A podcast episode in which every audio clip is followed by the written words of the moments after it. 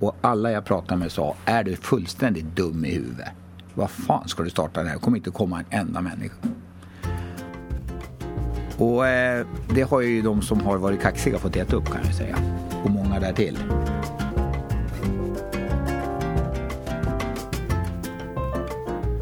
Det här är Kapitalet. Jag heter Jakob Bursell och ja, välkomna kära lyssnare tillbaka efter jullovet som jag hoppas var lite mer vilsamt än mitt.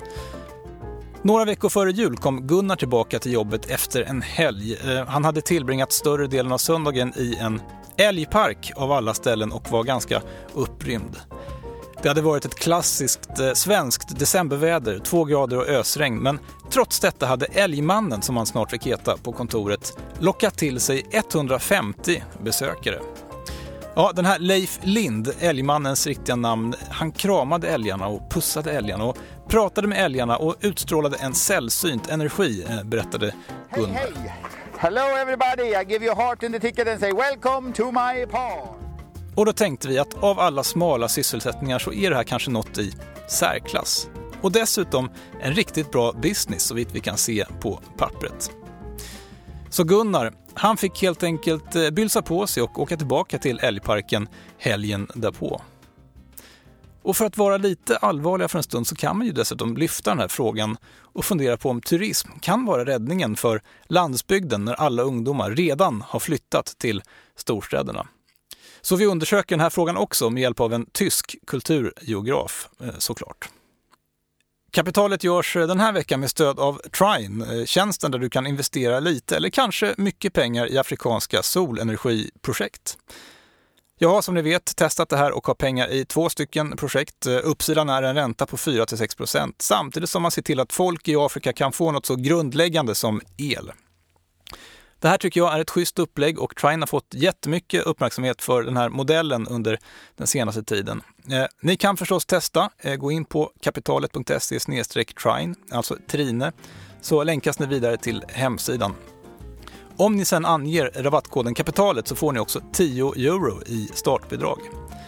Eh, alla investeringar kan gå åt pipan, även den här typen av investeringar. Kom ihåg det, så ni får eh, göra er egen hemläxa. Eh, men lycka till!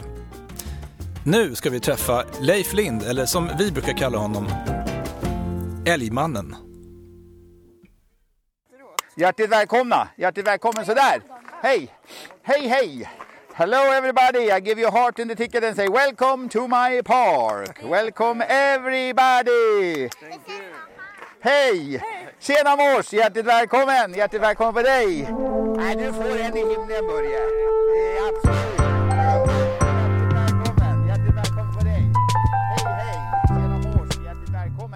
Det är tredje advent och näst sista turen i Gårdsjö, Heby.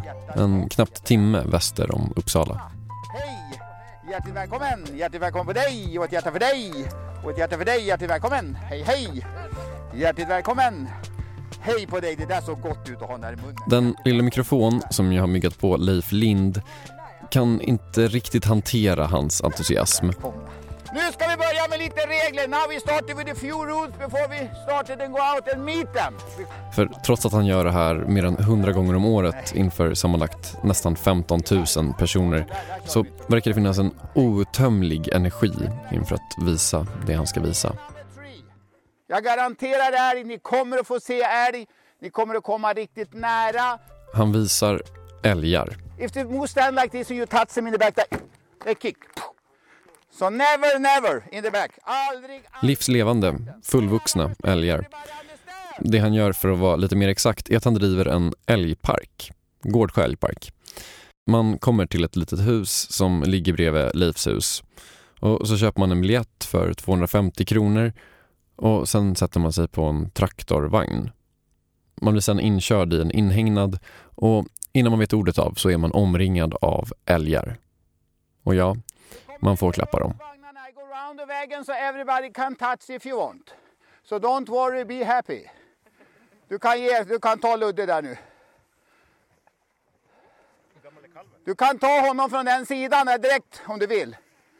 Så kan han gå med sitt torn som han inte har. Men den här entusiasmen som Leif har, det har han faktiskt inte bara inför älgar. När jag ska ställa in ljudet på min bandspelare så ber jag honom prata om sina favoritkakor som visar sig vara en våffla med smet mellan. Smular så ända in i helvete man måste ha en stor tallrik under annars hamnar halva liksom i knä. Så det är väl enda nackdelen men det är gott som tusan. Så när jag fikar och det finns så tar jag alltid en sån. Jag kan säga att när jag brukar ställa den här typen av frågor för att ställa in folks ljud så brukar det ibland bli svårt för folk att prata för folk blir, blir stumma av någon Inga anledning. problem, var. Sätta min hela min historia så har vi göra flera dagar. Jag håller på faktiskt att ska till att skriva en bok. Ja, nej så att, eh, vi, men jag har haft en, en, en, en farbror i Stockholm men han var sjuk till och från. Det har inte blivit något. Vi har hållit på ett och ett halvt år nu så nu har jag fått en ny kontakt så nu ska jag försöka få tag av en bok med mycket bilder och, och reportage om hur, vi, hur jag startade och jobbade. Den var, jag gillar gärna tjejer snusar, det tycker jag främst. ja, det tycker jag främst. Leif är helt enkelt en person som kan prata väldigt mycket om väldigt många saker. Men, tänker ni, vad i hela fridens namn har det här med ekonomi att göra? För det här är ju faktiskt en ekonomipodd. Ja, det är väl två saker egentligen. Först och främst så är Leif en lite udda entreprenör. Han driver alltså en älgpark då. Vem gör det ens kan man tänka sig. Och det var ju lite för bra för att vi inte skulle åka dit och prata med om hur man gör det. Men Leif kan också sägas representera någonting som håller på att hända med den svenska landsbygden. Åtminstone så är det många som har hävdat det genom åren. Kanske inte om Leif specifikt, men om det han håller på med, turism. Men innan vi kommer till det här med turism så ska vi alltså prata om entreprenörskap. Det här är den typen av entreprenörshistoria som man hör om då och då. Det är en historia som börjar med att en person, i det här fallet då Leif, är med om någonting ovanligt. Från första gången så var det 25 år sedan, då blev jag med älg. Då fick jag en älgkalv där mamma var trafikdödad utanför Enköping. En kusin som jobbade som polis som visste om att jag hade hållit på med massa djur, fått upp rådjurskidder, rådjur, alltså älg. Ja, massor. Så han sa så här, hämta den här älgkalven, den är trafik, mamman är trafikdödad, hämta älgen, annars har vi järn. Jag, åkte, jag tog brorsan med mig och lånade en hästtransport och åkte dit. Den dog, dog efter fem dagar, hade antagligen varit själv för länge. Jag har ju insett det senare när man har lärt sig mer om älgarna. De diar ju varannan var tredje timme. Och den här lite ovanliga upplevelsen att Leif får en älg som sen då tyvärr dör, eh, den gör i alla fall att han får en idé. I 15 års tid hade jag en idé. Men, och så här är det då ofta också, det är ingen som tror på idén. Och alla jag pratade med sa, är du fullständigt dum i huvudet? Vad fan ska du starta det här? Det kommer inte komma en enda människa. Och eh, det har ju de som har varit kaxiga fått äta upp kan jag säga. Och många där till. Och många kommer, ja men det här förstod jag att det skulle gå bra. Nej du, det här förstod inte du alls. Det är lätt om med facit i hand för du har allting lätt va. Så, så egentligen så började jag och så köpte jag två älgar från två andra älgparker. Det var så det började, hösten 2006. Och ja, den här typen av historia har man ju hört förut. Och det som gör att personen lyckas är i regel då en sak. Personen tror på sig själv. Att tro på sig själv är hörnstenen i myten om vad som krävs för att lyckas med någonting. Och om man utgår från Leif Lind så är det sant. Ingen tror mer på sig själv och sin egen idé än Leif Lind. Jag har alltid trott att det skulle funka. Ja. Har aldrig tvekat en sekund. Jag har varit så jävla målmedveten. Jag har skjutit undan allting som har varit tungt kan jag säga. Och gumman har ju sagt det. Nej, det här kommer att gå bra. Nej, alltså jag menar verkligen, ingen tror mer på sin egen idé än Leif Lind. Han höll på med det här i fem år, tog inte ut en krona i lön och han tvivlade aldrig. Nej. Aldrig. Aldrig. Okej. ehm, Ibland får att jag skulle vi- vika mig men jag viker mig inte. Nej, jag har aldrig tvivlat. För jag har sett att det har bygg, byggts upp sakta men säkert. Och jag har sett att mer och mer folk kommer. Vi får mer besökare på vår hemsida. Innan vi gick med Facebook. För det har vi inte varit med. Ja, ni fattar. Och det här kan man ju höra om ibland och tänka att det där är väl lite överdrivet. Men det har verkligen inte varit en dans på rosor för Leif. Så i år så har vi faktiskt inte investerat någonting. Och vi sa det, nu måste vi börja sluta investera. Nu måste vi börja bära frukt. Va? Någonstans måste man börja ta hem lite pengar. Jag, liksom, jag, jag har ju inte tagit ut någon lön förrän förra året, i förra våren, när jag slutade mitt ordinarie jobb som fritidschef. Och som ni kanske vet, de flesta företag är väl inga miljonmaskiner från dag ett. Men det här är ändå speciellt tycker jag.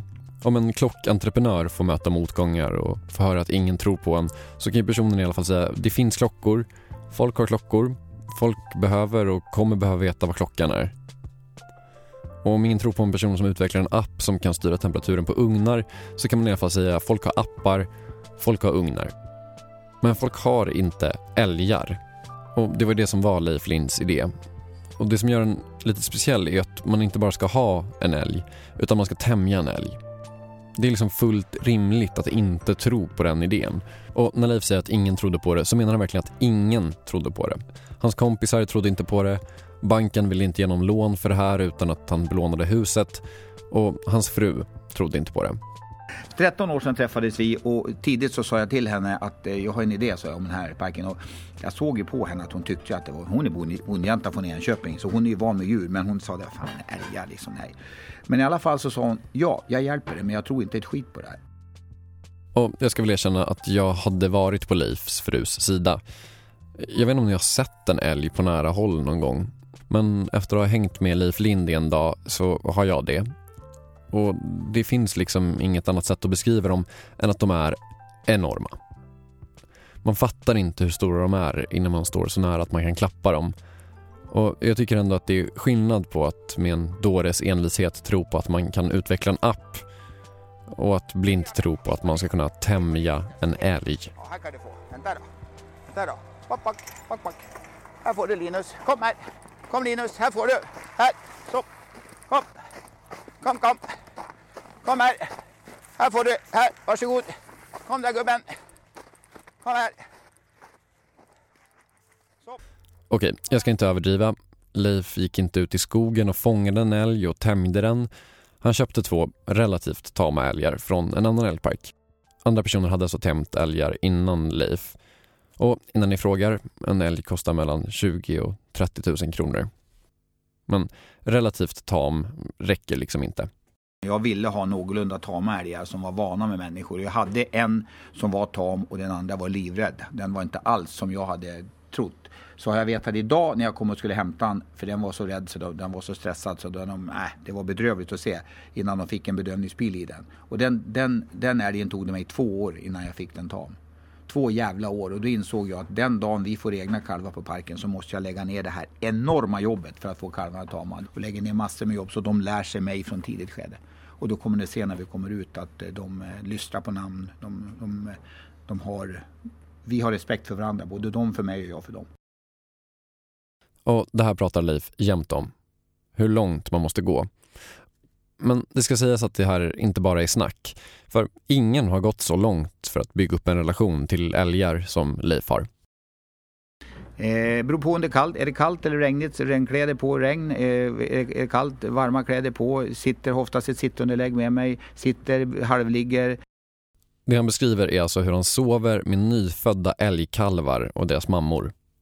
Utomhus när jag får fler kor då får jag gå emellan. Då blir det inte så mycket sova emellan. Utan då får man liksom gå. Men det här är en social bit hela tiden. Och det är en fantastiskt att vara en stjärnklar himmel. Man sitter där, halvligger. Kon ligger med sina en eller två kalvar. De piper och de sover en stund. De piper. Varannan timme ska de ha mat. Och då är man med där, sitter bredvid, med vid kalvningarna. Alltså det, det, alltså det, det är jättesvårt att beskriva. Jag är bara en, en lycklig plastpappa.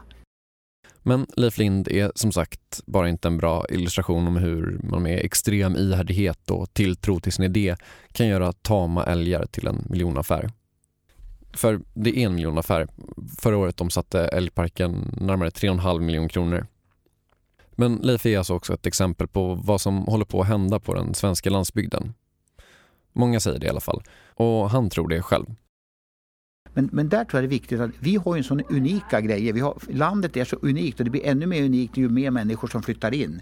Det blir en urbanisering. Alla flyttar in till stan eller ska bo där. Alla ska bo där. 80 procent var någon framtidsforskare inom 30 år kommer att bo runt stora städerna. Då blir ju vårt land ännu mer unikt för då kommer folk ut och få lugnet och få se de här gamla fina byggnaderna. Då. Och, och, och då, då, så, liksom så, så måste man ta betalt och det, det, det, det börjar vi med och det tror jag det har vi liksom följt upp. Vad Leif Lind beskriver är alltså en exotifiering av landsbygden. I takt med att urbaniseringen tilltar blir landsbygden exotisk och då finns det pengar att tjäna på turism. Turism lyfts ofta fram som lösningen på den så kallade landsbygdsproblematiken. Hur man ska få ekonomisk snurr på platser som inte är städer. Det är mitt eh, kontor här på institutionen för geografi och ekonomisk historia. En som har tänkt mycket på den här problematiken är Dieter Müller Han är professor i kulturgeografi på Umeå universitet och han har forskat på just turism och landsbygd. Eh, det är klart att jag menar, när, när folk eh, saknar eh, idéer om vad landsbygden är för någonting, då, då kan det naturligtvis leda till att man exotifierar det. Och det här låter ju lovande. När människor bor i städer förlorar de till slut uppfattningen om vad landsbygd är. Det kanske låter lite sorgligt, men det är bra för Leif, vars koncept ju går ut på att sälja någonting speciellt och för många exotiskt. Bara för att älgar är så unika. Och, och det har ju blivit ännu mer. Och gå i Gamla stan i Stockholm. De säljer älgprylar så in i helvete. Ingen jävel har sett någon älg men man köper älgprylar och åker hem. Om jag åker till Paris så vill jag väl inte köpa en, ett litet Eiffeltorn om jag inte har varit uppe i Paris i tornet. Förstår du? Inte en, kanske inte ens sett det. Jag fattar inte hur de kan sälja så in i helvete. Det är folk... Ja, ja precis. Men, säger Dieter Müller, man ska kanske inte tro att alla människor kan jobba med det som är exotiskt. Och det finns naturligtvis det exotiska lockar, men, men man ska inte tro att det lockar väldigt många. Alltså, eh, för, för det, att, att, ta sig till ett ställe som är långt borta kostar helt enkelt mer. Inte bara pengar utan det kostar också mer när det gäller tid. Då. Och det är klart, om attraktionen är tillräckligt starkt då kommer folk att vilja göra det. Men, men, och det ser vi ju redan i Sverige med ishotellet, det är toppen exempel. Färviken är ett annat exempel. Alltså är, är attraktionen tillräckligt stor då kommer folk att röra sig över den, övervinna distansen och alla hinder som, som är kopplade till det. Men, men däremot är det så att det är kanske inte massturism som vi förvänt, kan förvänta oss där. Va? Utan det är folk som är villiga att spendera väldigt mycket pengar för en, en distinkt och specifikt eh, aktivitet eller attraktion som kommer att resa. Och det är några som kommer att lyckas med den när idén är tillräckligt bra. Okej, så om idén är tillräckligt bra så kommer det att gå runt så småningom. Och det har det ju gjort för Leif. Han jobbade extremt hårt för det. Han tog inte ut en krona de första fem åren och det var först nyligen han gick över på heltid med att jobba med sin älgpark. Men det här kanske inte är unikt för just turismnäringen. Det är ju ganska få branscher som dåliga idéer leder till stora pengar fort. Men Dieter Müller lyfter fram en annan aspekt som gör turismnäringen lite mer speciell och kanske svårnavigerad. Och ett annat problem är naturligtvis också att eh, du kan inte skydda eh, dina idéer i turism. Det vill säga det finns normalt inga copyrights eller så, så du kan kopieras på, på bättre ställen. Och, och, eh, och det, den älgfarmen som du var på, den är inte den första i Sverige skulle jag tro, utan mm. det finns nog lite varstans. Va? Och, och, och det, då innebär det ju att det, att det är svårt att, att liksom bara alltså leva på långväga turister utan man måste också ha den där närmarknaden för att, för att få volym helt enkelt. Så det finns en problematik i att du vill ha någonting som är exotiskt men ändå tillgängligt. Och Det blir en liten paradox här, för en del i exotismen kan ju vara just att det är otillgängligt. Lyxrestaurangen Fäviken brukar ofta lyftas fram som ett gott exempel på hur man kan utnyttja den här exotismen. Och i alla reportage och recensioner av Fäviken så lyfts alltid fram hur otroligt otillgängligt den här restaurangen ligger. Så här kan det låta till exempel. To start a fine dining restaurant in the middle of nowhere, it's impossible.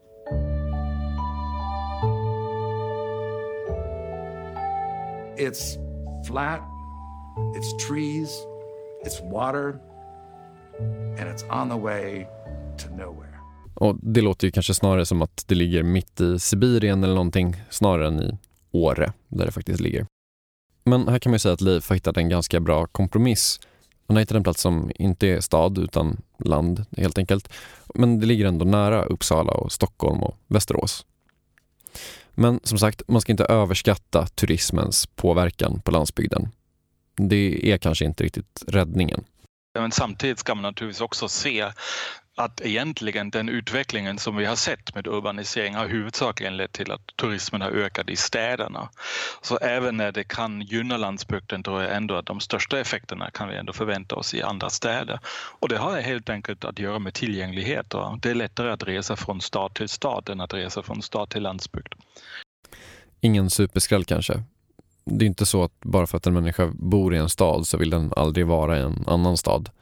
Och landsbygden lockar kanske inte riktigt så mycket som vissa vill få det till. Så det är tufft där ute. Därför bad jag Leif komma med tre tips om hur man ska lyckas som turistentreprenör. Det första det var att ha en bra bankkontakt tydligen. Därefter så sa han det här. Det, det, grejen är väl den att har man en idé så ska man försöka genomföra den. Jag gör, genomför ju den egentligen till varje pris. Eh, många går ju åt helvete för. De, det är idéer som inte funkar. Det, det, man ska nog göra som kanske inte jag gjorde, eller jag fick ju inget gehör, det är att man kanske ska luska lite grann med andra entreprenörer som kanske håller på i samma bransch. Jag skulle kanske ha pratat med någon älgpark före och frågat hur gör ni? Det enda jag gick in och tittade bara, jag tittade bara vad tar du med entrépris? Den dyraste var då 100 kronor. Där ska vi minst ligga, sa jag till gumma. Va? Vi kan ju inte ligga högst liksom ihop med några andra som har hållit på länge. Vi ska visa oss att vi ska bli bäst och då ska vi fan ha entrépriser som också. Och där tror jag också, för många, alltså jag är ju bondunge men jag har ju jobbat med annat hela tiden, aldrig varit egentligen hemma någonsin heltid förrän nu. Vi på landet, vi är, vi är så rädda för att ta betalt. Som Dieter Müller är inne på så kan ju fortfarande enskilda personer gynnas av utflyttningen och exotifieringen av landsbygden som följer med den. Och kanske kan man då ha nytta av Leifs tre tips. Ha en bra bankkontakt, våga ta betalt och framförallt då ha en bra idé. Med hjälp av de tre stöttestenarna så har Leif blivit en av de här personerna som kan dra nytta av exotifieringen. Men bara för den sakens skull så är det inte framgång av sig självt.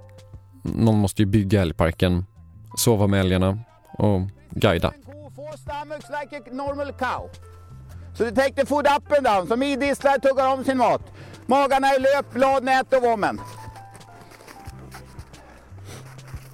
Långa öron och lång nos det gör att de kan höra och känna lukter på upp till 300 gånger bättre än vad vi kan. Det här var alltså älgentreprenören Leif Lind och eh, kapitalets Gunnar Harjus hade varit med på en älgshow, eller vad man nu ska kalla det. Tack så mycket för att ni lyssnade. Vi är tillbaka precis som vanligt om en vecka med ett nytt program. God fortsättning!